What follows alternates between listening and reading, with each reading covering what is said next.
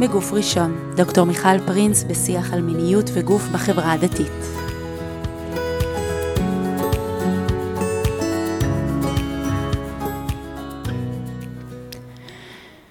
גופי היה חכם ממני, מאת יונה וולך. גופי היה חכם ממני. כוח הסבל שלו היה פחות משלי. הוא אמר די כשאני אמרתי עוד. גופי, גופי הפסיק כשאני עוד המשכתי.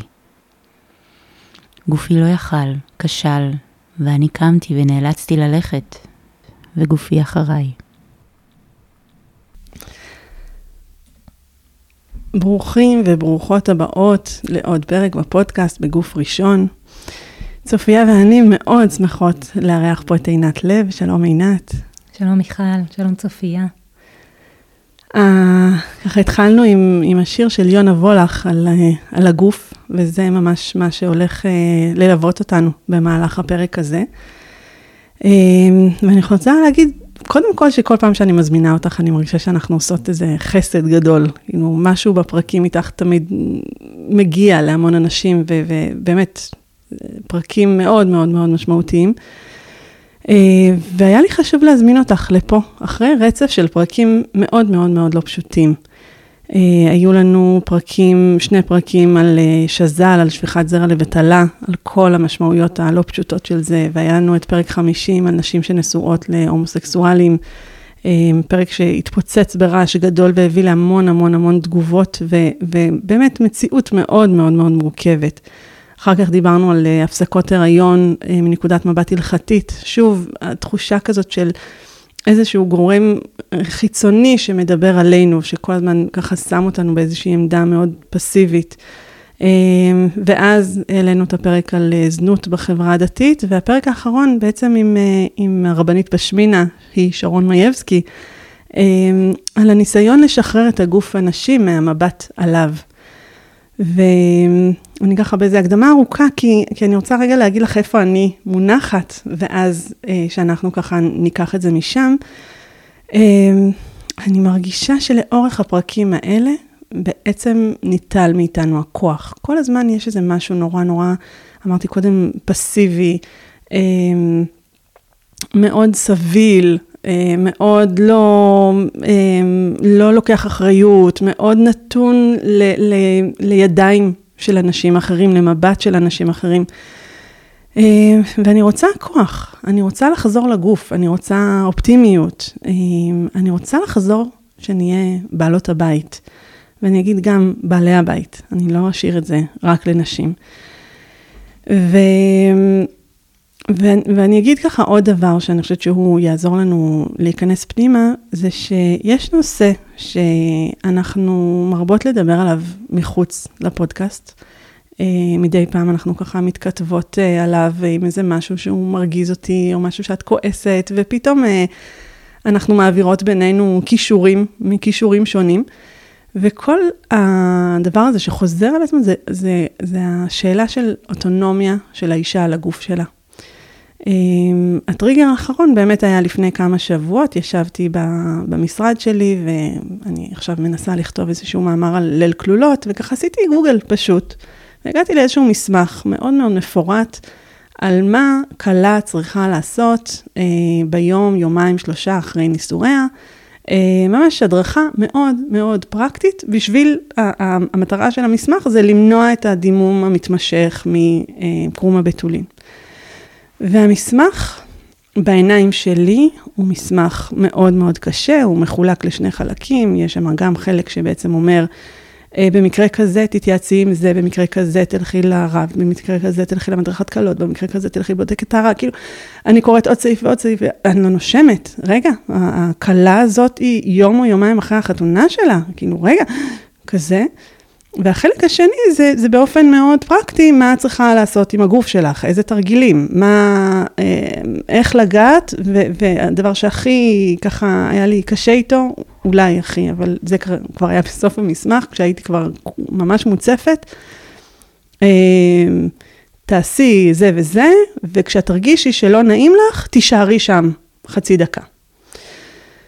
ועכשיו זה מסמך שהוא פתוח לכל עין, זה מסמך שהוא בקלות יכול להגיע לכל כלה שעושה גוגל ביום אחרי החתונה שלה, ובאמת לחשוב שזה, אלה הפתרונות, זה מה שצריך לעשות, ככה חייבים.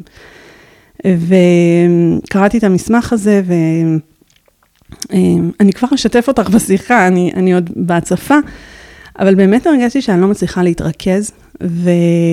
וכשאני לא מצליחה להתרכז, כשאני פוגשת כל מיני דברים כאלה, הדבר הראשון שאני עושה זה לשלוח קישור לצופיה, mm-hmm.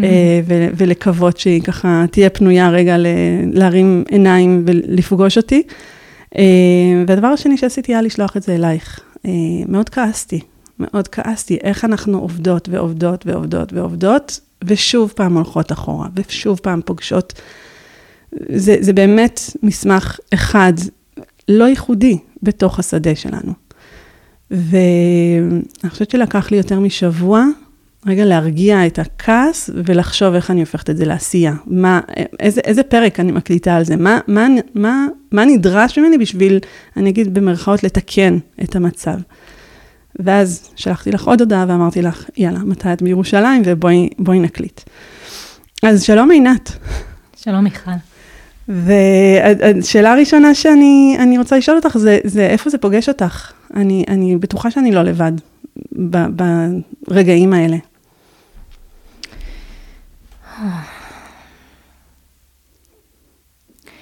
אני אגיד לך אולי את הדבר הראשון שעולה לי. זה החוויה המאוד מבלבלת, שמציעים לי משהו שאמור להיות בעדי, אבל חלק אחד בי אומר, אה, זה בעדי, כדאי לי להתקשר לחמישה גורמים שונים ולשתף אותם בזה שיש לי דם מקרום הבתולין.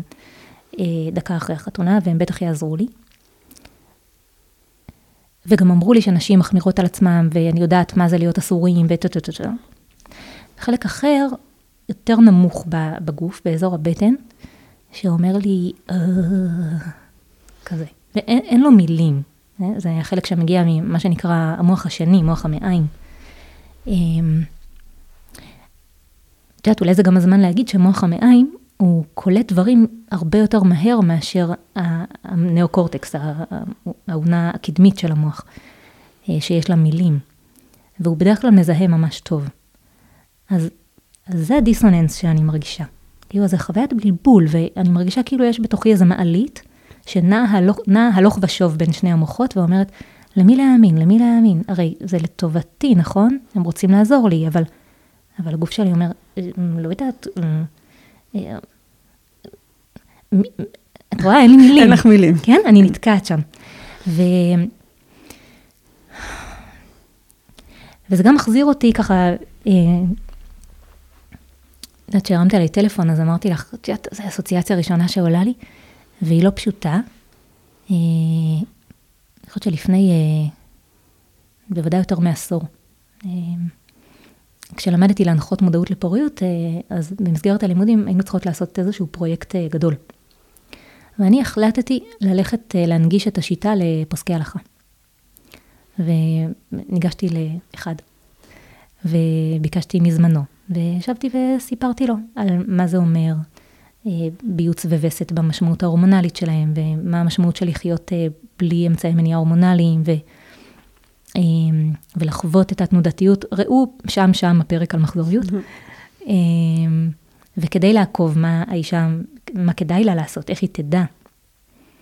ואותו פוסק, באמת אדם מרשים מאוד, פשוט התחיל לבכות מרוב התרגשות. ואמר לי, את יודעת, זאת בשורה מאוד גדולה. כי עכשיו אני מבין שיכול להיות שאישה חושבת שהיא מבייצת לפני הטבילה, אבל זה בעצם לא נכון, בעצם יש שם סיפור אחר, ו, ו, ואם אני אדריך אותה רגע איך לזהות את זה, או אני, הוא אמר, אני לא אעשה את זה בעצמי, אני אשלח אותה אלייך או למישהי כמוך, ו, והיא תראה לה, אז היא תדע גם להבין איפה, איפה הבעיה ולמה היא לא נכנסת להיריון ואיך אפשר לטפל, הוא מאוד מאוד מאוד התרגש. ואז ביקשתי את רשותו להנגיש את הידע הזה לעוד פוסקי הלכה.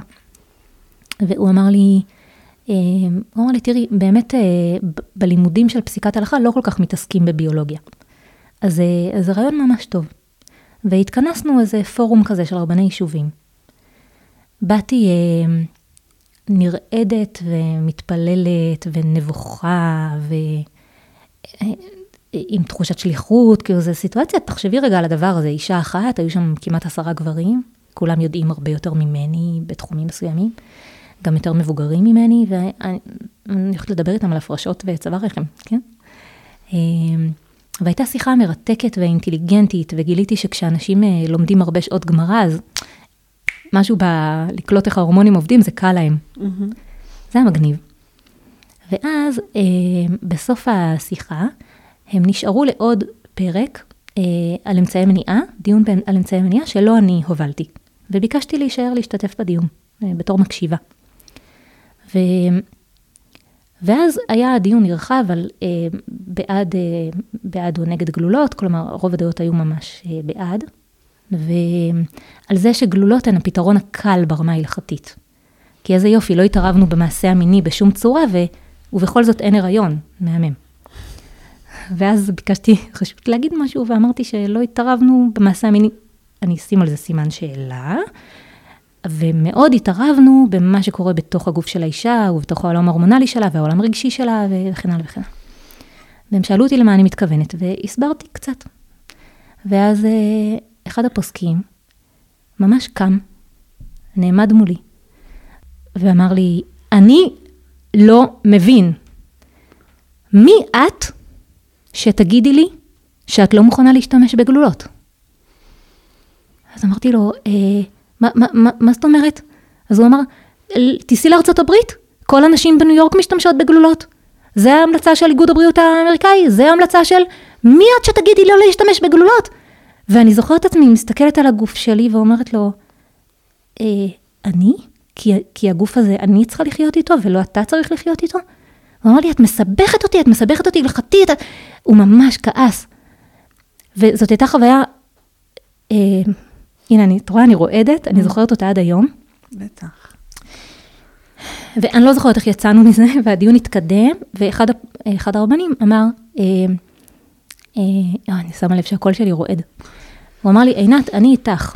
אני חושב שגלולות זה לא אמצעי מניעה כל כך מוצלח, כי באמת הן מאוד מאוד משפיעות על האישה.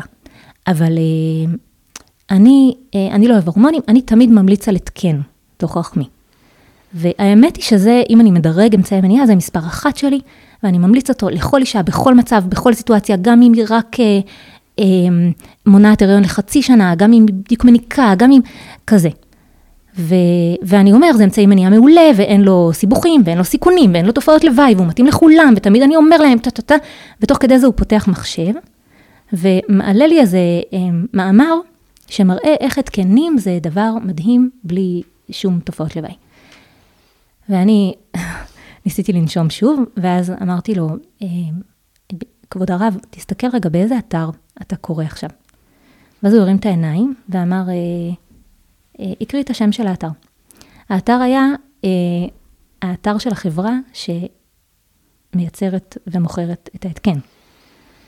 אז אמרתי לו, אתה מבין שמה שאתה עושה עכשיו זה לקרוא על סיגריות באתר של נובלס, כאילו, בסדר? לא ככה אה, לא ככה, לא ככה מבינים. ו... ואז הוא אמר לי, אבל תראי, אבל כתוב, מי את שתגידי לי? מי, עוד פעם, מי את שתגידי לי? מי את שתגידי לי? ובשלב הזה, אני לא יודעת מאיפה גייסתי אומץ, וזה דרש הרבה אומץ, ואמרתי לו, אני אגיד לך משהו, וזה בסדר שתעיף אותי מהחדר אחר כך, אבל אני חייבת להגיד את זה.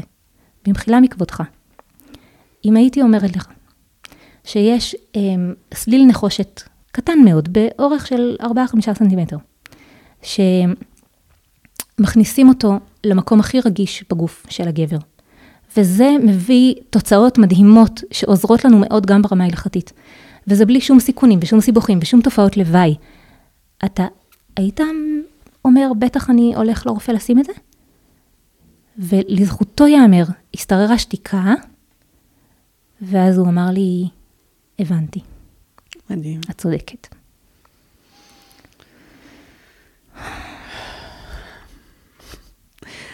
אני עדיין בחלק בסיפור שאת אומרת שהוא נעמד. ואני חושבת שזה זה, הביטוי הכי, לא יודעת, הכי גבוה של יחסי הכוח. כאילו, ה, ה, לעמד, כאילו, ה, ה, להנכיח אה, אני בעל הידע, אני בעל הסמכות, אני המכריע פה. אה, עכשיו, אני, אני שומעת אותך, אה, תוך כדי שסיפרת, אני יכולתי בקלות, בקלות עכשיו לשלוף עוד עשרה סיפורים דומים, עם אנשי סמכות שונים. זאת אומרת, כל, כל בן אדם שיש לו סמכות והוא בעל ידע בתחומו, והוא אה, יודע יותר ממך או ממך, יכול להכניס אותנו לסיטואציה הזאת. ו... ואני חושבת ש... ו... ואני אגיד עוד נקודה שהיא נורא מעניינת, כי, כי גם הדבר הזה שעשית בסוף, ההיפוך הזה, כאילו, תחשוב רגע על עצמך בסיטואציה הזאת, זה ממש אחד לאחד מה שדיברנו עליו בפרק עם, עם שרון מייבסקי. זאת אומרת, ה... ה...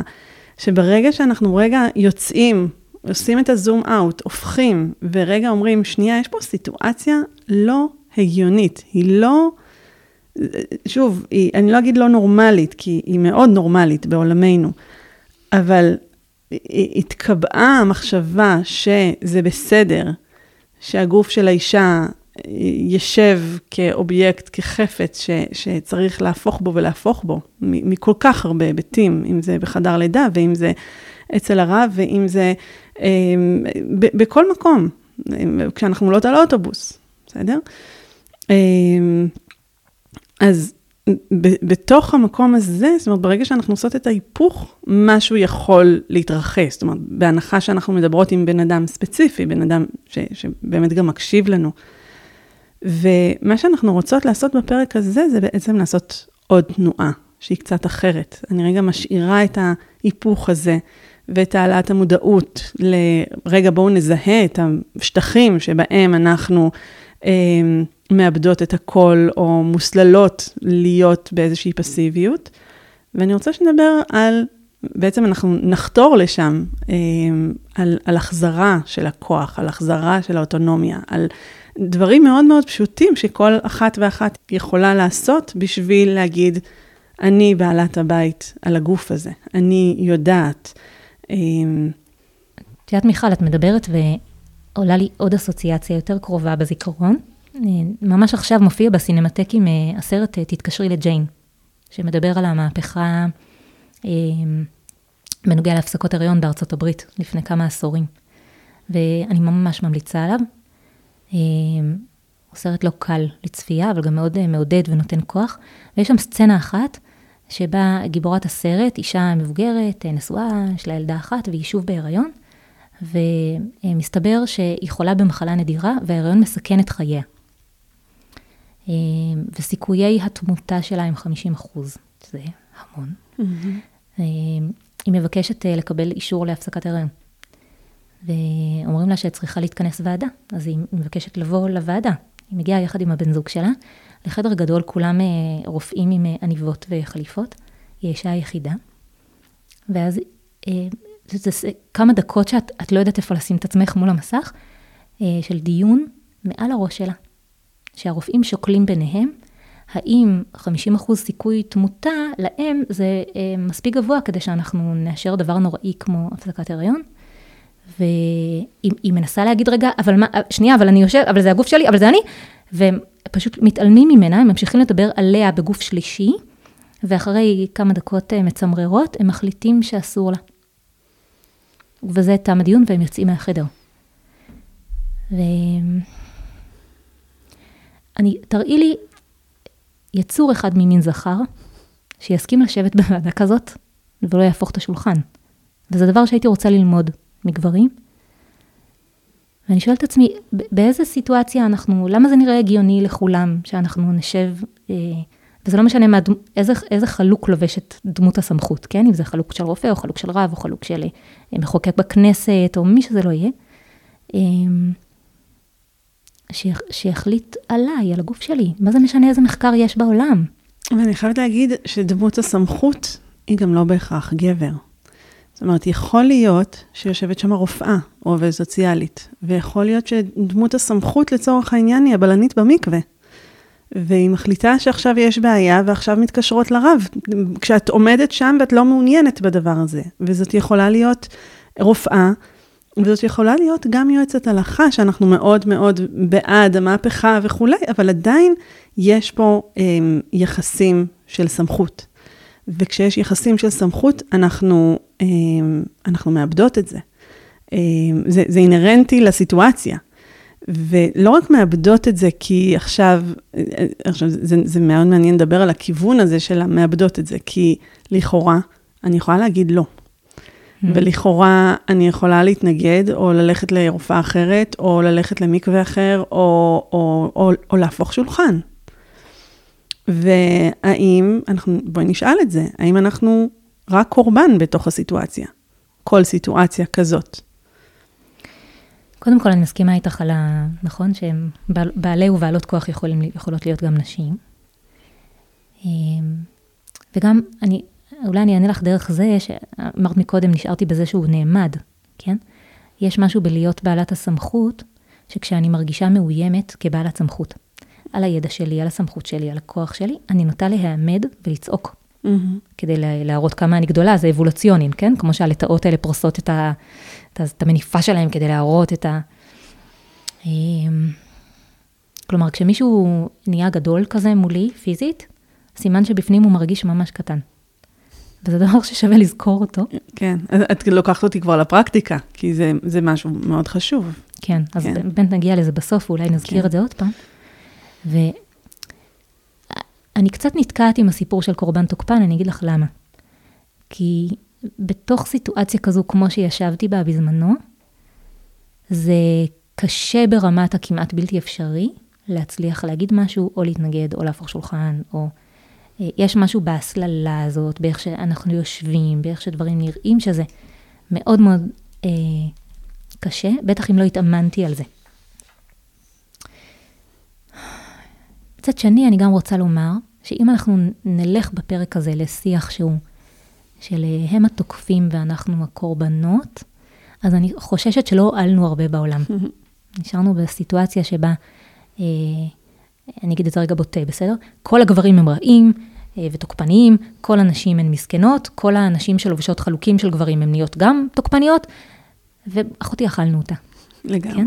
לגמרי. ולא בא לי להישאר שם. ושימי כותרת, הפטריארכיה. כן. כן, בדיוק. זהו, ואיבדת חצי מהמאזינים. כן. ואותנו. ואת יודעת, היו לי שנות זעם ארוכות כאלה, ובתור, אה, עם ההכשרה הפמיניסטית שלי, ו, וגם אני אגיד, וגם יש לי אירועי חיים שבהם אני פה מוצאת את עצמי זועמת. וזעם זה דבר חשוב. ויחד עם זה, אני מרגישה שנוכל להתקדם ל... אה, כמו שאמרת, אני רוצה את הכוח בחזרה. אה, כשנצא רגע מהשפה הזאת של קורבן תוקפן, כי גם אותו אדם שנעמד מולי וכועס עליי ואומר לי לא יכול להיות, גם הוא תוצר של מערכת שמבנה שיח מסוים. וגם הוא צריך, אני חושבת עליו בין הפטיש לסדן, בין זה שהוא מרגיש את כל עולם השתלשלות ההלכה על הכתפיים שלו, ואת זה שה... אני אגיד את זה בשפה כזאת, החטאים שלי הם על הכתפיים שלו, איך הוא יתיר לי ומה יקרה. או החיים שלי עם רופא, החיים שלי על הכתפיים שלו, על האחריות שלו, אה, אם אני אמות יתבעו אותו, נכון? כאילו אפשר ללכת להרבה כיוונים. ואני בחוצפתי אה, אומרת לא. כלומר, גם הוא נתון לאיזה סד לחצים מאוד גדול. ו... ואני גם רוצה להגיד, אני, אני רוצה לצאת מהשפה של קורבן ולשאול, באילו אופנים אני אוכל לצבור מיומנות שתחזיר לי אה, את היכולת לקחת אחריות על החיים שלי. מה יאפשר לי לקחת אחריות על החיים שלי? מה יאפשר לי להיכנס לחדר כזה מודעת למה שעלול לקרות בו, אה, ועדיין להצליח לנהל שיחה? מה יאפשר לי להיכנס לחדר לידה, ולא מיד להישכב על המיטה ולהיענק מכאבים? אה, בסדר, וכן הלאה וכן הלאה. כן, מה יאפשר לי לבוא לפסיקת הלכה ולהגיד, אני עינת ויש לי אוטונומיה מלאה על החיים שלי, ומול בית דין של מעלה רק אני אעמוד, mm-hmm. אף אחד אחר לא יעמוד שם במקומי. ו... ובכל זאת באתי להתייעץ איתך בתור מי שלמדה כך וכך, אמ, מה העולם היהודי אומר על זה. ובסוף ההכרעה תהיה שלי, כי אני אעמוד בפני בית דין לבד, אני לא אגיד, אבל מיכל פרינס אמרה לי. הרבנית, הרבנית, מיכל פרינס. כן. סתם, לא. אבל במובן הזה אני בעצם רוצה לומר שזאת לא מלחמה. זו לא מלחמה בין המינים. ואני ממש לא רוצה לקדם מאבק. מאבקים, ברוך השם, יש לנו מספיק. אני, אני חושבת שלהביא להביא שפה כזו שאנחנו נקרא לה נקבית או נשית, או... זה להביא שפה של, של כבוד, של יכולת לראות עין בעין, להגיד איזה מעניין זה, מה עובד בשבילך, מה יכול להיות טוב לך, או מה המחירים והרווחים של כל תנועה שלנו, כמו באקולוגיה, שאם בחרתי להשתמש בכוס קרטון, אז יש לזה השלכות שלא, אני לא רואה אותן עכשיו, אבל הילדים שלי יראו אותן, וכדי שאני ערה לזה. ומערכות אקולוגיות הן מערכות שמבינות שאנחנו אה, לא אחד נגד השני, אלא כולנו מרוויחים או מפסידים מהתנהגויות כאלה או אחרות, ואנחנו בסוף, זה בסוף חוזר אליי, כן?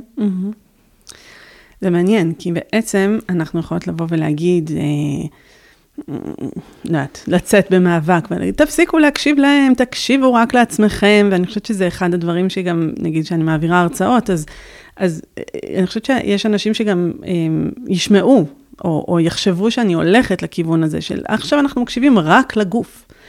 ו, ולא, ו, ו, ואנחנו רוצות רגע לייצר פה איזושהי אמירה שהיא קצת שונה מזה. אה, והיא קודם כל מדברת על ה... על הרווחים שיש לנו כשיש בעל סמכות באזור, ועל השקט שאנחנו מקבלות מזה שכן, מישהו אחר אה, אה, פוסק בשבילי. אה, אני חושבת שזה עלה הרבה סביב הנושא של אה, הפסקות הריון, ש, שרב עם כתפיים רחבות יכול להגיד עליי, עליי, כאילו, אל, אל, אל, אל תהיי שם. כאילו, אה, שזה נגיד אמירה שלכאורה אנחנו, מה זה אל תהיי שם? אנחנו רוצות מאוד להיות בנוכחות מלאה, ויש איזשהו רגע מאוד דרמטי בחיים שלנו, והרב אומר, ת, תפילו את זה עליי, כאילו, תנו לי, וכאילו, תשחררו רגע את החלק הזה. ו, וזה לא משהו שאני רוצה לוותר עליו. אה, שלא לדבר, אני לא רוצה לוותר על הידע. אני, אני לא יכולה לרכוש את כל הידע בעולם, ועכשיו אם, אם כואב לי משהו, או שיש לי שאלה, או שאני באמת רוצה להישען על ידע רחב יותר, אז אז אני רוצה שיהיה שם את מי שבאמת עשה דרך עם הדבר הזה. כן, אני, אני חושבת שאת מדברת על איזה כמיהה אנושית מאוד וילדית, במובן המתוק שלה. אה, תודה. אני, אני רוצה להתקשר לאבא ואימא שלי ושהם uh, יתמכו בי. Uh, אני רוצה להישען. אנחנו, במשפחה שלי, אנחנו קוראים לאבא שלי אחד אבא אבא. כי, כי באמת כמעט כל שאלה טכנית של החיים, את מתקשרת אליו והוא יודע מה... וזה גורם לי להרהר לפעמים, באמת שהוא עוד מעט בן 70 ושייבדל לחיים ארוכים וטובים.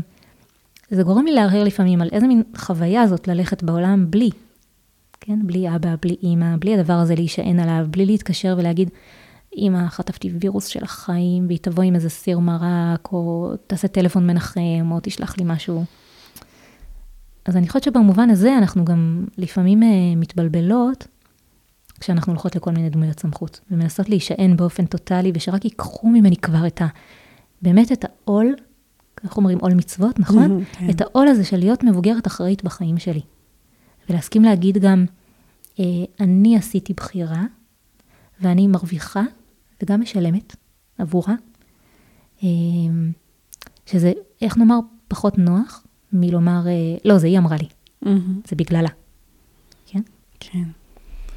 שזה לשני הכיוונים בעצם. זאת אומרת, אני יכולה לבחור לא, לא לשאול ורק להקשיב לעצמי, ואז בעצם לשלם את המחיר של לקחת את האחריות הבלעדית, ואני יכולה להגיד, אני בוחרת ללכת להתייעץ, והאחריות שם. זאת אומרת, ל- ל- להשעין את כל יהבי על איזושהי דמות סמכות. נכון. אני חושבת שזה נוגע לפחד שלנו מכישלון, כתרבות. אנחנו לא אוהבים להיכשל. אז אני מעדיפה שהכישלונות שלי ישבו אצל איזה, כן, שהאפוטופוסק יגיד לי עליי, עליי. בואי, מה עליו? הוא לא ילך עם העובר שהפלתי, נכון? לבית דין של מעלה. עוד פעם, אני אחזיר את הבית דין של מעלה, נכון? אני אלך עם סך כל הילדים שהבאתי ולא הבאתי לעולם הזה, ואני, אה, אם אני אשתמש במשל הזה, כן? אני אסתכל ריבונו של עולם בעיניים, ואני אגיד לו, עשיתי כמיטב יכולתי, באותם רגעים נתונים, ובאמת השתדלתי. ו... את יודעת, בהקשר הזה, אני גם אספר לך שפגשתי פעם פוסק הלכה, באמת אדם ענב ו- וישר מאוד. הוא אמר לי שכשאישה מגיעה אליו עם אה, דיני מראות, אז, אה, והוא, אה, האישה לא מגיעה אליו, כן, היא שולחת את הבן זוג שלה, אז, אז הוא, הוא תמיד מחזיר ביחד עם אסור או מותר, משפט כמו, תדעי לך שהצבע הזה הוא מותר. תדעי לך שהצבע הזה הוא אסור. והוא אמר לי, להרבה נשים לוקח זמן להבין מה אני מנסה להגיד להן. בעצם אני מנסה לומר לה, את לא, אם עוד פעם תיתקלי בצבע כזה, את יכולה להסיק שהוא מותר. את יכולה לעשות לך מילון, את לא צריכה אותי. ואני חושבת שזה אה, בעיניי מעורר השראה, כי הוא לא שואב את הכוח שלו מלהיות אה, אדם עם חבל גומי קצר מאוד, שמדביק אליו את כל הצרכנים mm-hmm. אה, שיבואו כל פעם לאישור שלו. אלא הוא מוכן להכיר בזה שהתורה היא של כולם, והידע הוא של כולם, ובמקרה הוא למד יותר ממני, אז הוא יכול לחלוק איתי את הדבר הזה. כן, כן. אני חושבת שמה שאת אומרת עכשיו הוא בעצם כבר הצעד הראשון לאיך אני מחזירה את הכוח אליי. כאן את אומרת, הרב בעצם אומר לי, קחי את הכוח, או אני נותן לך את הכוח, ההכרעה עוברת אלייך. אה, ואגב, אני שומעת את המגמה הזאת יותר ויותר יועצות הלכה בעיקר, שבאמת ככה מרחיבות את, ה, את העיסוק שלהם בללמד נשים את המנעד ההלכתי, את המניפת צבעים, באמת שאישה תוכל אה, בעצמה, באינטימיות שלה, אה, להכריע שם. ואני חושבת שאולי זה, זה זמן טוב להיכנס רגע לפרקטיקה של זה, מה, מה אנחנו בעצם מציעות לנשים בסוגריים, גם לגברים, אבל אנחנו מדברות מתוך גוף של נשים, אז כנראה זה העניין הדומיננטי פה. אמ, אבל באמת, מה, מה אנחנו רוצות להציע להן? מה אנחנו אומרות בעצם? בא לי להגיד את הדבר המהפכני הראשון, שעל אף הסללה ארוכת שנים, אה, דרך כל מוסדות החינוך והתרבות, שאומרת, אה, הכוח שלך נמצא אצלנו, זה, זאת לא האמת. הכוח שלך תמיד נמצא אצלך. לפעמים, או בהרבה מקרים, זה מרגיש כאילו הוא לא פה. אבל האמת היא שהוא תמיד פה. והדוגמה הכי טובה ש... שאני יכולה לחשוב עליה היא נתן שרנסקי. שאפשר לומר ששללו ממנו את כל הריבונות והכוח שאפשר לשלול מאדם, אבל רוחו לא נשברה. כן, הוא אמר להם, אתם יכולים לשלוט, יש לו איזה משפט יפה כזה שאני אף פעם לא זוכרת לצטט. כן, אתם יכולים לשלול ממני את כל החירות שלי, אבל את חירות המחשבה, את, ה, את החירות הנפשית שלי, את זה אי אפשר לקחת ממני. ו, וזה עבד לו. אמ, אז אני, אני חושבת שזה אולי הדבר הראשון שהייתי רוצה להגיד, ואני אומרת אותו בקול כי אני רוצה להזכיר אותו גם לעצמי. שגם כשמרגיש לי שלקחו ממני ושתו לי ובסדר, כזה, באמת הכוח שלי תמיד אצלי. לפעמים אני לא שמתי לב. והשאלתי אותו למישהו אחר, אז אופ, אני יכולה לקרוא לו, לקרוא לו חזרה אליי. ובהקשר הזה אני יכולה לספר שבעשור שלימדתי מודעות לפוריות, מאוד מהר שמתי לב למשהו, ואז למדתי להגיד לנשים במפגש הראשון, ככה היינו עושות סבב, וכל אחת הייתה מספרת למה היא באה, היא רוצה להיריון, היא רוצה למנוע הריון, היא רוצה... והייתי אומרת להן, אה, אני אגלה לכן משהו, אני אגלה לכן סוד. אתן באתן גם בשביל הסיבות שאמרתן כאן. אבל האמת היא שבאתן בשביל סיבה יותר עמוקה, שאולי אתן כרגע לא יודעות לתת לה מילים.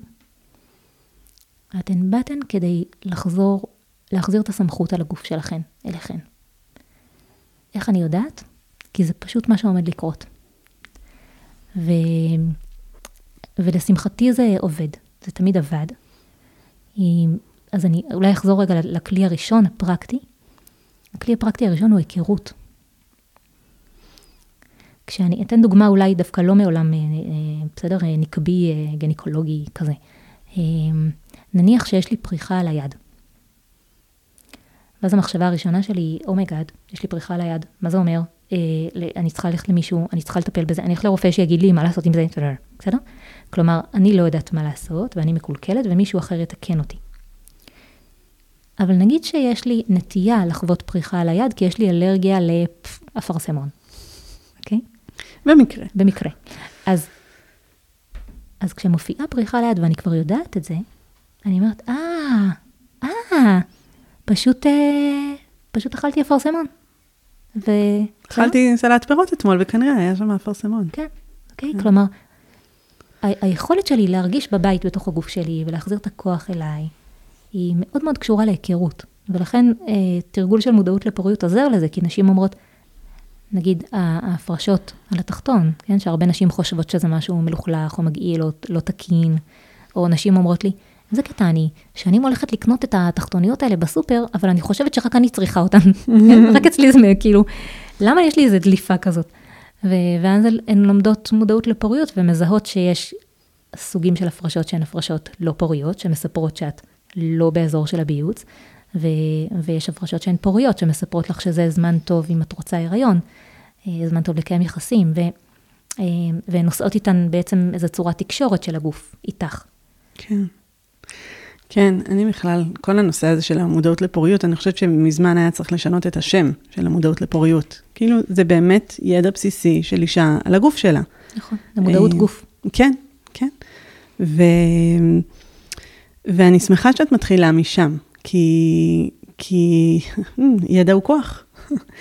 וידע הוא כוח, והוא לא רק, אה, זה לא רק הידע שאנחנו מקבלות באוניברסיטה או בבית ספר לרפואה, ו, ואני חייבת לומר שגם הרבה פעמים הידע שנרכש באוניברסיטה, הוא, הוא גם עושה עוול, ל, לא יודעת אם הוא עושה עוול, אבל הוא מחסיר חלקים מאוד מאוד משמעותיים מהידע שאנחנו יכולות לצבור על הגוף שלנו, כי זה לא רק ההפרשות או צוואר הרחם או חום הגוף. זה מה קורה לי באופן מחזורי, אם זה מצב הרוח, mm-hmm. ואם זה אה, אולי פריחה, ואולי חדשקונים, ואולי אה, הרצון שלי להיות בחוץ או בפנים. איך אמרת, אה, שם שם פרק 25, אה, שמי שלא הקשיבה עדיין, פרק חובה בעיניי לכל אישה ואיש. ו... נכון. אולי ו... נהפוך את המילים, יש לי גוף ידע. זה, זה, שיושב פה על הכיסא, זה גוף הידע שלי. ו... והגיע הזמן שאני אלמד להכיר בו ולראות מה הוא מספר לי. כן, כן, כן. וזה, וזה מעניין, כי הוא מספר, כי גם הפריחה מספרת לך משהו שקורה לך בגוף, mm-hmm. וגם הכאב ראש מספר משהו שקורה לי בגוף, וגם הכאב של הביוץ מספר לי משהו שקורה בגוף, וגם הקיבוץ שאני חשה כשמישהו נעמד מולי ומאיים עליי, הוא גם משהו שקורה לי בגוף ומספר לי איזשהו סיפור. ו, ואולי מפה אני, אני אמשיך, אני חושבת שאחד הדברים שאני מאוד מאוד חוזרת עליהם זה הסיפור של הקשבה לגוף. זאת אומרת, לכל דבר שקורה לנו בגוף יש משמעות. אה, זה יכול להיות אה, אה, לא, לא רק משמעות, אני לא מחפשת את המשמעות, אלא, אלא הגוף מדבר. הוא כל הזמן מדבר, והרבה מאוד פעמים שאני אומרת לאנשים, כאילו, מה, מה אתם חשים בגוף? ברגע נתון, עכשיו, את יושבת על הכיסא, נוח לך, לא נוח לך, נעים לך, לא נעים לך. איך אתם פרטורה? אני היום, אמרתי, אני אהיה חכמה, אני אשים גרביונים, לא יהיה לי קר, אבל עכשיו חם לי. מה, מה, כן. איפה, אני, איפה אני נמצאת מול הדבר הזה? באנו, זה מצחיק, התיישבנו פה בחדר להקליט, ופתאום אני קולטת ששתינו אוטומטית הורדנו נעליים. כאילו, בלי, בלי מחשבה, פשוט הורדנו את הנעליים, חלצנו נעליים. ו... הגוף אומר לי משהו, אני לא צריכה לחשוב מה הוא אומר לי, מה המשמעות של זה, מה זה אומר לי על המצב הרגשי שלי, או אפשר גם, בסדר? זה, זה, זה כבר אולי שלב הבא. אבל קודם כל, הגוף שלי מדבר, הוא אומר, אני רעב, אני צמא, אני עייף, כואב לי, אה, הוא שם. כן, ואת יודעת, זה לא דבר שמובן מאליו היום, כי אנחנו, איך אה, כותב מיכה גודמן, גנבו לנו את הקשב כי לא ידענו שהוא חשוב. לא הערכנו אותו מספיק בתרבות, ו, ואנחנו ממש אה, אה, לומדות כל הזמן איך לא להקשיב. ואז יכולה אישה להגיע לסוף יום ולהגיד, איזה קטע, לא אכלתי כל היום. לא עשיתי פיפי כל היום. כן. כן. ואז הדבר הבא שהייתי רוצה שרגע נתעכב עליו, זה בעצם מה אני עושה מול בעל הסמכות. זאת אומרת, איך אני באה, אה, בהנחה שכן החזרתי לעצמי את, ה, את הכוח הזה. אה, שוב, אני, אני, אין לי עניין לבוא לבעל הסמכות עם כוח במובן האלים של המילה. בסדר? אני לא כועסת על מי שאני רוצה להתייעץ איתו. אה, אבל איך אני יכולה לבוא אה, עולה לי שוות ערך, אבל זה גם, זה גם לא בהכרח שוות ערך, אבל בעצם עם הנוכחות שלי לתוך הפגישה. וכשדיברנו ככה קודם, אז, אז הזכרת לי את הפוסט המאוד מאוד יפה של, אה, של תמר אוחנה, שהיא גם אה, מנחה למודעות לפוריות, ונצרף אותו גם כקישור לפרק. שהיא בעצם נותנת טיפים לאיך להגיע לבדיקה הגינקולוגית. שזה בעצם אמ, די טריוויאלי, קורה לכל אישה לפחות, כמה פעמים בחייה, ובאמת זה מקום שהוא יחסי הכוחות מאוד ברורים, מבעלת הידע, מי פחות, מי לבושה, מי פחות. אמ, איפה נוגעים, אמ, סיטואציה שאני חושבת שרוב מוחלט של אנשים יסכימו שהיא לא בהכרח הדבר הראשון שהם ירוצו לעשות אה, על mm. והיא בעצם מדברת שם מאוד מאוד יפה על זה שאני רוצה להיות שם, אבל אני יכולה לבוא בנוכחות להיות שם. זאת אומרת, אני בוחרת לגשת לרופאה, אני יודעת שלא בהכרח יהיה לי נעים, אבל אני יכולה לשפר את החוויה.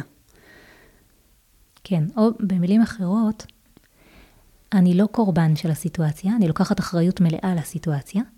וגם עוד דבר מקסים שתמר עושה שם, תקראו, היא אומרת, אמ, אני לא אשאיר מחוץ לחדר את כל האי-נוחות שלי. בסדר? כמו שאני לא אכנס לפגישה כשאני חייבת לעשות פיפי. אני קודם אלך להתרוקן, ואולי אפילו אני אגיד, סליחה מיכל, אני מאחרת רגע, אני שנייה מטפלת בצרכים שלי, אני אלך להתרוקן, ואז אני אחזור, ואני אשתה כוס מים, ואני אוכל להיות נינוחה איתך. עכשיו, אם, אם אני אשאר רגע בדוגמה הזאת של הפגישה, אה, אם יש לי פיפי לוחץ, אין שום סיכוי שאני אפתח פה שיחה נורמלית, נכון? Mm-hmm. אני לא אצליח להתבטא בכלל, כי בו זמנית, כשאני מנסה לדבר איתך ולהגיד משהו משמעותי, שלפוחית השתן שלי אומרת לי, אה, אה, אה, ומסבה את תשומת הלב שלי כל הזמן לאגן. אז אני חושבת אותו דבר גם ביחס לבדיקה גניקולוגית. כלומר, תמר אומרת, תסתכלי רגע על המרחב, תשאלי את עצמך, מה יאפשר לך להרגיש שם יותר בנוח? ואם דיברנו מקודם על היכרות עם הגוף שלי, אז גם היכרות עם החדר, ולכן היא מצרפת שם תמונה של ספקולום ומסבירה איך הוא עובד, כן? או אומרת, את יכולה לבקש מהרופא להיות זאת שמכניסה את הספקולום בעצמה לתוך הנרתיק שלה. Mm-hmm. וזה דבר מרתק בעיניי להגיד, אני נכנסת לכאן עם כל סל הצרכים שלי, ואנחנו נשים אותם על השולחן. עכשיו, אני, אני אגיד עוד משהו, אפשר להבין את זה מאוד בקלות דרך הגוף. אמ, נגיד שאני, אמ, נגיד אחרי, כדי, כדי שיהיה לי נוח אצל רופא נשים, אז כדאי שאני אהיה רפויה ולא מאוד מכווצת, נכון? אבל אם אני מרגישה מאוד מאוד מאוד לא בטוחה, מה הגוף יעשה אוטומטית? הוא יתכווץ. יתכווץ, נכון? בדיוק כמו שאם אני עומדת על קצה צוק, אני לא ארפה. או אם אני מחזיקה את עצמי, אה, עומדת ליפול רק עם הזרועות, הגוף שלי יתכווץ, כי ככה הוא שומר עליי. אז להגיד לי בתוך סיטואציה אה, שמאוד חסרת ביטחון מבחינתי, נשמה תרפי, אחרת זה יכאב לך, זה לא עובד, זה לא עובר מסך. ומה שאפשר לעשות זה כן לתת לי אדמה מתחת לרגליים, כן? איך, איך אני אקבל אדמה מתחת לרגליים? אני אבקש מהרופא, אני יודעת שלחוץ פה ויש הרבה נשים בתור, אבל אני צריכה עוד רגע. כן? או תראה לי בבקשה, תסביר לי, תגיד לי באופן מילולי כל הזמן, תוך כדי שאתה מבצע את הבדיקה, מה אתה עושה כדי שאני ארגיש שמכבדים אותי. תסתכל לי בעיניים, תביא לי בבקשה שמיכה, אני רוצה להתכסות. המון דברים שכשאני פורטת אותם לפרוטות, יותר קל לי להתמודד עם הסיטואציה, הגוף שלי מרגיש יותר בנוח. את יודעת, את מדברת על, על, על המפגש עם ה... בחדר של הגינקולוג, ואני, אה, זה שולח אותי למפגש עם הבלנית במקווה. זאת אומרת, גם שם אנחנו יודעות לומר שזאת סיטואציה שיכולה להיות מאוד לא פשוטה. שוב, בעל הסמכות, בעלת הבית על המקווה. אה, וכנציגה של עוד משהו הרבה יותר רחב, איזשהו ממסד הרבה יותר רחב. וגם שם, נשים שמגיעות אה, עם קיבוץ מאוד מאוד גדול, והמפגש הזה של, את יודעת שכש... אני לא יודעת אם סיפרתי פה, אבל שהייתי בלנית אה, תקופה מאוד ארוכה, ואני זוכרת שזאת שחנכה אותי לתפקיד, אמרה לי, הדבר הראשון שאת צריכה לדעת בתור בלנית, זה שאף פעם לא להאיץ בטובלת. ו- ו- ואני אומרת לך, באמת, זה היה יישוב קטן, ו- והיה, אה, אה, זאת אומרת, כל פעם מישהי אחת או שתיים, ו- ותמיד גלעד היה אומר לי, את הולכת עכשיו למישהי ארוכה או קצרה? כי הוא ידע שיש נשים שאת לא מאיצה ואת יכולה להיתקע שם שלוש שעות, כי, כי באמת, אה, לא יודעת אם לוקחות את הזמן או לא רוצות לחזור הביתה, או, או mm. השיחה בתוך החממה הזאת הייתה מאוד מאוד נעימה. אני מדברת על הרבה שנים, אני חושבת שזה היה איזה קרקע למה שאני עושה היום, אבל גם שם, זאת אומרת, איך אני באה אה, כסמכות. אה, הרבה פעמים אני מדריכה אנשים, אה, כשאת באה למקווה ואת רוצה משהו מסוים, אם זה לטבול לבד, אם זה שהבלנית תיכנס רק אה, אחרי שאת במים, אם את רוצה שהיא תשאל אותך שאלות, את כל הבקשות שלך תגידי לפני שאת נכנסת לחדר, כשאת לבושה. זאת אומרת, ברגע שאת, אה, המרחב מאורגן בצורה המוכרת שלך, באמת בצורה הזאת שיש, את, את נשארת את, אז את יכולה בעצם לבטא את עצמך אה, הרבה יותר טוב. יופי, כלומר, את אומרת משהו קריטי, כן? כל עוד אני בבגדים שלי, בנעליים שלי, ב... אמ, יותר קל לי לעבוד שם. וכשאני נכנסת לעמדה שהיא כבר עמדה גופנית, יותר אה, חלשה, יותר חשופה נגיד, אז יהיה לי יותר קשה לתמלל את זה. כן. כן. כן, ואני חושבת שבעצם כמעט כל מה שאנחנו מדברות עליו פה, זה באמת במקומות החשופים האלה. כי אם זה בחדר לידה, או אצל הגינקולוג, או כשהעד בדיקה הולך לטייל לו בעולם ועם ההפרשות שלי, זה מאוד מאוד מאוד חשוף, גם אם אני לא נמצאת שם פיזית. ואם זה המקווה, ואם זה כל, כל, כמעט כל סיטואציה שפוגשת את גוף האישה כגוף האישה, אני לא מדברת על הפריחה של האפרסמון. כן. ו, ואנחנו חייבות, אני אגיד את זה, קודם כל, חייבות להיות מודעות לזה. חייבות להבין שיש לזה משמעות מאוד מאוד עמוקה. אנחנו לא יכולות להגיד, את יודעת, המשפט שאני הכי קשה לי איתו, זה שנשים אומרות לי, זה בסדר לי. Mm. אמ, על, על הטבילה, הן אומרות, בסדר, זה בסדר, אז אני לא מחפשת, אני, אני רק רוצה לעבור את זה וזהו. אבל כל חוויה כזאת נרשמת. או שאומרים לאישה, מה אכפת לך? אמ, מה אכפת לך? אז מה, נו, אז הנה, הגבר ייקח את, ה, את המעטפה, ו, ו, אבל זה לא, הוא לוקח משהו משלי, ומשהו מאוד אינטימי, שביום-יום הנורמלי, הרגיל, חברתית בעולם, לא מצופה מאישה להוציא אותו מחוץ לחדר השירותים. אה, ואנחנו, יש לי עכשיו את הקולות האלה של, כן, אבל זה נורא חשוב, ושהאישה לא תאסור את עצמה ולא תחמיר את עצמה, וגם בעלה תלוי, אני, אני, אני, אני מכבדת את הכל, ואני רוצה להזכיר לכולנו את המחירים. ואני לא באה לפתור, ואני גם חלילה לא באה ואומרת, לא, אל תתייעצו ואל תלכו ואל ת... ממש לא. אבל רגע, שנייה, שבי עם עצמך, תביני את המחיר. ת, תביני מה המחיר שלך. נכון, ואת יודעת, זה לוקח אותי לעוד כלי ש, שאולי נניח כאן. לפעמים אני נכנסת לתוך סיטואציה ומשהו בגוף שלי אומר לא, לא, לא, לא, לא, לא, לא, לא. אבל אז אני עסוקה בלומר לעצמי, ממי, אבל זה, עד שהיה תור פנוי, עד שהגעת, עד ש... כזה. אז בואי, תח... תתגברי, קדימה. תתעלי. Mm-hmm. ויש לזה מחיר מאוד מאוד גבוה. ו- ואני רוצה להציע ההפך, שאם נכנסתי לאיזה מקום, אספר לך משהו, סיפרה לי אישה לפני כמה ימים, שהיא הלכה לקבל טיפול רפואי והיא בחרה בקפידה מי יטפל בה. והיא קיבלה המלצות, והיה לה מאוד מאוד חשוב, ובצדק, שזאת תהיה דמות טובה, מיטיבה בשבילה. וכשהיא הגיעה, הסתבר לה שהעבירו אותה וואו. למישהו אחר. וואו. ושאולי הוא לא, הוא לא פחות טוב, אבל היא לא קיבלה המלצות ולא. והיא אמרה, עמדתי שם, ומצד אחד אמרתי לעצמי, טוב, אני כבר פה. באתי כבר ו... ומצד שני, הגוף שלי, אבל אני קיבלתי, אני, אני וידאתי, ואני זה, ואני עשיתי הכנה, וקיבלתי הבטחה, ואיך זה יכול להיות? ואז היא אמרה, את יודעת, החלטתי שאני לא אנטוש אותי. אני לא אשאיר אותי בחוץ, חלקים ממני בחוץ שמתנגדים, ואבוא כבר ואעבור את הבדיקה, כי זה... ואז היא ניגשה למזכירה ואמרה לה, אני רואה שרשמו אותי לכתובת הלא נכונה. וזה, אני תיאמתי מראש, וזה היה לי מאוד מאוד חשוב להגיע דווקא לכתובת הזו. ואני רוצה לבדוק איתך מה אפשר לעשות. והמזכירה הסתכלה עליה ואמרה, איזה קטע, באמת טעינו. אבל אותה דמות סמכות שאת אמורה לפגוש, היא לא נמצאת היום. בואי שנייה נראה מה נעשה. אה, את יכולה להגיע ביום ראשון? והיא אמרה, כן. והיא אמרה, שילמתי מחיר, כי נסעתי במיוחד והזמנתי בייביסיטר, ובזבזתי שעתיים, ולא קיבלתי כלום, כן? אבל הרווחתי אותי, ואני מעדיפה לשלם את המחיר של להגיע שוב ביום ראשון עם כל הפרוצדורה הזו, מאשר לבוא, להיבדק כבר, ללכת הביתה, ולהשאיר כל כך הרבה חלקים בתוכי שלא נוח להם, להשאיר אותם בחוץ. ואני שואלת, אני ככה בשביל המאזינות שכן היו נשארות שם וכן נבדקות על ידי אותו בעל סמכות אחר, מה היית מציעה להן? זאת אומרת, איך אני לא משאירה אותי בחוץ כשאני הולכת עכשיו וכן נכנסת למישהו אחר, ששוב, יכול להיות שהוא טוב לא פחות, או ש, שאני יכולה לשאול את אותן שאלות? איך, זאת אומרת, כי, כי אני חושבת ש... זה, הסיפור שהבאת הוא, הוא סיפור, הוא, בעיניי הוא מכונן והוא חשוב, ו, ובאמת אמ, נורא עושה את האג'נסי הזה. כאילו, אני, אני הופכת לפעילה, אני הופכת, אני לוקחת אחריות ואני אומרת, זה מה שאני צריכה, לשם אני הולכת. אבל אני שואלת, יש המון סיטואציות בחיים שלנו שאנחנו, או שאני לא יכולה ביום ראשון, או שהדבר הזה הוא מאוד מאוד דחוף.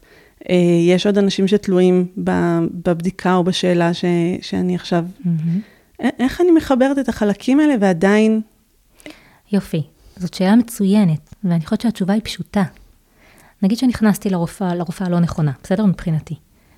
התיישבתי על הכיסא, אז עכשיו אני רוצה להנכיח את כל אותם חלקים שנשארו מחוץ לדלת. ואני אגיד לה משהו כמו, את יודעת, אני לוקחת רגע לנשום ולהסתגל, כי אני בעצם ממש התכוננתי לפגוש דמות אחרת, ואני יודעת שיכול להיות שאת מיטיבה באותה מידה. וגם בחרתי להיכנס אלייך. אבל אני רגע רוצה להגיד לך שאני גם, יש לי איזה קווץ' פה. וברגע שהסכמתי להגיד את זה, הנכחתי, עוד, לקחתי את כל אותם חלקים מנותקים והחזרתי אותם חזרה לתוך החדר. ועכשיו, אני, את יודעת, אני בן אדם מבוגר, אני יכולה להגיד שעל אף שבמובן מסוים לא נוח לי, אני אבחר בחירה אחרת, כן? שהיא לא תמיד נוחה לי, it's okay, החיים הם לא נוחים. Mm-hmm. אבל אני לא רוצה לעשות את זה בלי להנכיח את החלקים הלא נוחים שלי ולתת להם מקום. אחרת, כל מה שלא נוח לי, והשתקתי בכל הצורות האפשריות, גדל אה, ותופס מלא מקום ועושה מלא בלאגן, וזה ממלא קליניקות, ממלא מרפאות. כן. בסך הכל דבר קטן שרצה איזה רגע כן. תשומת לב. ואני כן רוצה אולי ל, לשאול או, או להגיד, יכול להיות שאני אנכיח את זה בעולם ולא אקבל תגובה מאוד אמפתית מהדמות אה, סמכות שנמצאת שם בחדר, אבל זה כנראה לא משנה. נכון, זאת כי לפחות אני בצד שלי. כן. כן. איך אמרה לי פעם מישהי, זה היה מכונן. היא אמרה לי, תראי, אף אחד לא האמין לסיפור שלי. אבל לקח לי הרבה שנים להבין, שאז מה אם הם לא האמינו לסיפור שלי? למה מה קרה, שגם אני לא אאמין לסיפור שלי? אני אאמין לסיפור שלי. אני אתן תוקף למה שאני מרגישה. ואני אשב שם ואגיד לעצמי, איזה חמודה את, וזה באמת לא כל כך נעים, ואנחנו פה ביחד בזה, ועוד מעט זה ייגמר, ונכין לנו איזה כוס קפה טובה, ו... כן, אני לא יעזוב אותי. ו... ועוד פעם אני חוזרת לדבר הזה של, ה... של הכוח. אחרים יכולים להגיד לי עד מחר שהכוח אצלי, וגם לעשות כל מיני מניפולציות. כשאני מתנתקת ממני, אז באמת הכוח לא אצלי. וכשאני נזכרת להגיד, איזה קטע התנתקתי, היי, אני אקח את זה חזר, הופ, באותו רגע הכוח שלי חזר למקום שלו.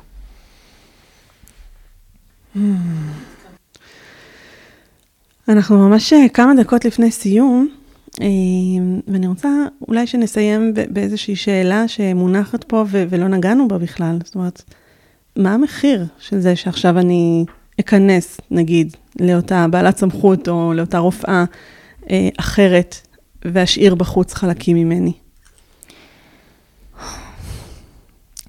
אני אספר לך על זה משהו אישי. אה, אני במסגרת כל התעודות והתארים שלי, אני גם אה, בוגרת אה, בהתמחות גבוהה של בית הספר לדיכאון אחרי לידה. ושל החיים, כן? למי שלא הבינה.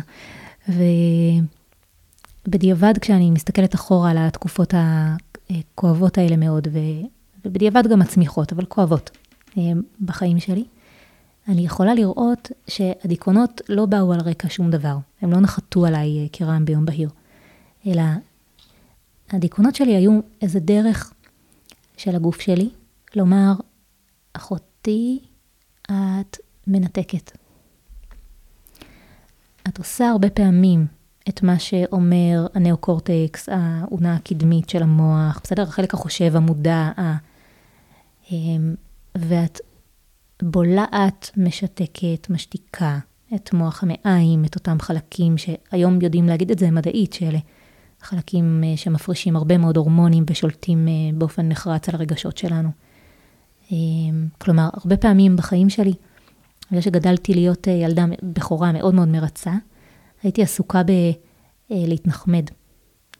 והייתי נכנסת לאיזה מקום ומרגישה משהו לא נוח בבטן, ואומרת לעצמי, ששששש, בואי, תנשמי עמוק.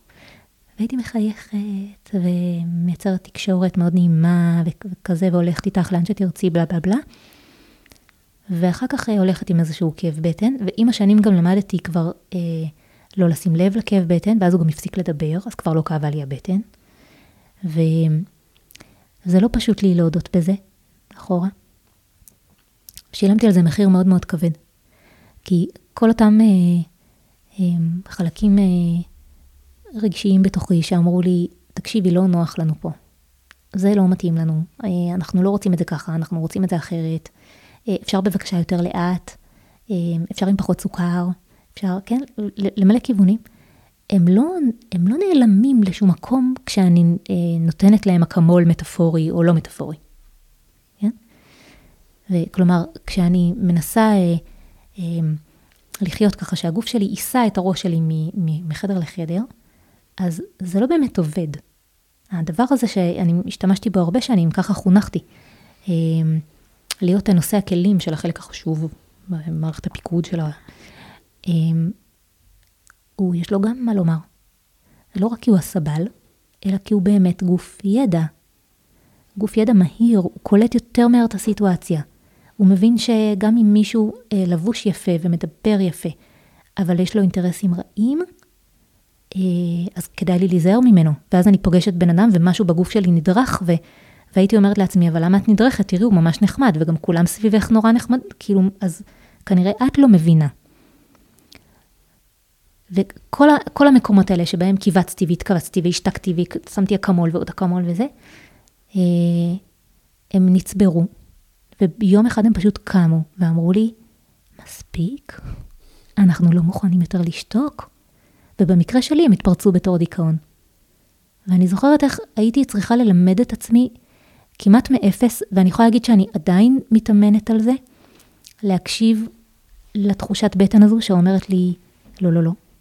או שאומרת, שנייה תיזהרי, יותר לאט, יותר מהר, או כן, ממש בטוח פה, את יכולה להיות רגועה. להתאמן על להאמין לה. עכשיו, את יודעת, אמרתי לך מקודם, זה ממלא קליניקות. אני לא המצאתי את הדבר הזה. הערימות קראפ האלה, בסדר? כל אותם חלקים שניתקתי ושמתי אותם בצד והתייחסתי אליהם כמו זבל, הם יום אחד הופכים לי את השולחן, וזה דבר מעולה שהם עושים. אז אצלי זה היה דיכאון, זה יכול להיות uh, כאב uh, במגע מיני, זה יכול להיות כאבי בטן, בעיות עיכול, מעי רגיז, מיגרנות חוזרות ונשנות, בסדר? אנחנו, התרבות שלנו, שהיא תרבות שמלמדת אותנו ומחיילת אותנו לדבר הזה עם חטא, כן? להיות, uh, להשליט את, המוח על הגוף, היא תרבות שבונה לעצמה את בתי החולים שלה. ו... זה נשמע כאילו אמ, דבילי בגיל 20, יאללה יאללה, מה אכפת לי? בגיל 40 ומשהו, זה לא טיפשי בכלל, בסדר? תיכנסי לבתי חולים, תראי מה קורה, תיכנסי למרפאות, תראי, תשאלי נשים מה עובר עליהן כשהן חוצות את גיל ה-40, והגוף שלהן אומר, עד פה אחותי. עד פה עם הרעלים האלה, עד פה עם הרעלים הרגשיים האלה. ובהקשר הזה אני יכולה רק להמליץ על ספר נפלא, שאפשר למצוא גם בגוגל, שכתב ואייר ג'ק קנט. קוראים לו דרקון, אין דבר כזה. ומספר על דרקון שצץ בבית, וכשהתעלמו ממנו והתעלמו ממנו ואמרו, אין דבר כזה, אין דבר כזה, הוא גדל, גדל, גדל, לוקח את הבית והולך לאן שמתחשק לו. החלקים האלה בבטן שלנו הם דרקונים. הם קטנים, הם חמודים, הם בעדנו, וכשאנחנו מתעלמות מהם, הם הופכים לנו את החיים. ואם אני אלך עוד צעד עם הדבר הזה, אפשר לדבר על חולי, כן, כמו שדיברנו עכשיו, אפשר לדבר גם על השדה המיני, זה הנושא של הפודקאסט, נכון? אה, שאני נכנסת לחדר שינה ואני אה, אומרת לעצמי, לא, אבל אה, טבלתי הערב, נכון? אנחנו צריכים להיות ביחד. ו, ולא נעים, הוא חזר ממילואים, אז צריך... אז המוח שלי אומר משהו אחד, והבטן שלי אומרת, רגע, אבל אפשר משהו אחר קודם, או אפשר, שנייה לא נוח לי, או רגע, בא לי שהוא יצחצח עוד פעם שיניים, או לא יודעת, כל דבר. וכשאני עסוקה בלשים את זה בצד ולהגיד, לא, לא, לא, ממי, את לא הבנת, עכשיו אנחנו פה, זה מה שאנחנו עושים, זאת המשימה שלנו. הדבר הזה לא ישתוק לי, ואל תקנו את השקר הזה יותר, אני מתחננת, זה לא שותק הדבר הזה. זה אולי יושב בצד, אבל זה גדל וגדל וגדל, ויום אחד זה יהפוך לי את הבית. ויהפוך את הזוגיות. ולטווח הארוך זה, זה, זה דבר שהורס הורס מיניות והורס זוגות והורס שלום בית. כאילו לעשות שלום בית הורס שלום בית, בסדר? כן, כן, לכאורה. וזה מעניין ש... א', אני, אני, אני מאוד מתחברת למה שאת אומרת, ואני גם מתחברת לזה ש, שבאמת הרבה נשים יכולות להגיד לי עוד פעם, זה, זה בסדר, או שאומרים לנשים, מה אכפת לך בהקשר המיני, בהקשר הזה של, בסדר, אז תספגי את הכמה דקות שזה לוקח. ואני אומרת להם, יכול להיות שזה בסדר לכם עכשיו, בעוד שנתיים, בעוד חמש, אבל אתם תבואו אולי בעוד עשר שנים, אתם תבואו אולי בעוד עשרים שנה. אז זה לא בסדר, זה לא יעבוד, וזה לא יעבוד לא לך, וזה לא יעבוד לא, וזה לא הוגן, כאילו למה, למה בכלל להתחיל מזה? ואני חייבת להגיד עוד משהו, אה, ואז באמת כבר נסגור. אה, אמרת נשים בגיל 40, ואני מרגישה שזה קורה הרבה מאוד פעמים אחרי הריון ולידה. יש איזה רגע כזה בהיריון, או אחרי, נגיד כמה חודשים, אחרי לידה, שהגוף אומר, חלאס, אני נתתי לך פה את המקסימום, לפחות תחזירי לי בהקשבה. אני לא מוכן להיכנס למקומות האלה עוד פעם. והרבה מאוד פעמים, בוודאי שבשדה המיני, שכמובן גם מגובה באיזשהו תהליך חברתי מאוד משמעותי, ש, שבאמת אנחנו אומרות לעולם, אנחנו לא מוכנות יותר להיות במקום מתפשר, אבל נשים באות ואומרות, הטריגר היה שאחרי הלידה לא יכולתי לחזור לעשות את הדברים שעשיתי לפני. נכון. מה ששרה שרגא, שעוסקת ממש. במיניות אחרי לידה, היא קוראת לזה, עכשיו את מתעוררת. ונשים אומרות לה, איזה מתעוררת, ממי, אני ישנה מתה. אז היא אומרת, כן, אבל עכשיו המיניות שלך מתעוררת. כי כל האופנים שבהם נהגת לקיים יחסים עד עכשיו, הם לא מקובלים יותר, ומשהו בך קם ואומר, לטובת שנינו, כדי שאנחנו לא ניכנס לשיח של קורבן ותוקפן, כדי שאני לא אשנא אותך ברבות הימים בעקבות טינה מצטברת, לטובת שנינו אנחנו לא נמשיך יותר במשחק הזה. ואנחנו נשאל את עצמנו, את שנינו את עצמנו, מה יאפשר לנו להתקרב באמת. וזאת מלאכה שאני יכולה רק להתפלל עליה, שאנחנו כחברה נאמץ אותה. היא, היא באמת תעשה לנו שלום בית.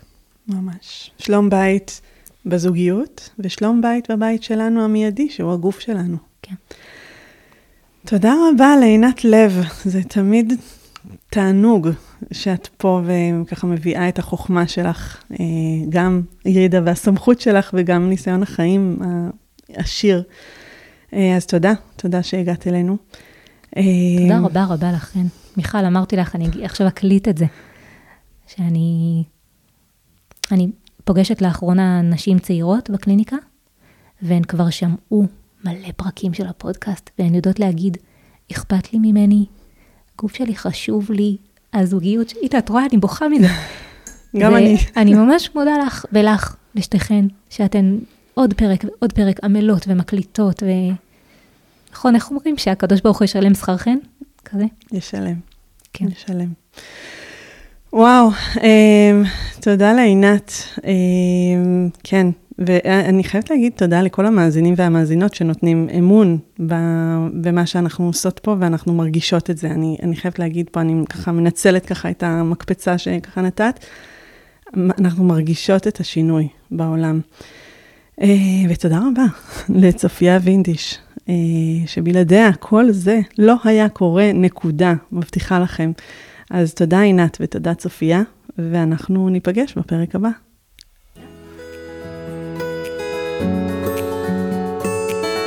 מגוף ראשון, דוקטור מיכל פרינס בשיח על מיניות וגוף בחברה הדתית.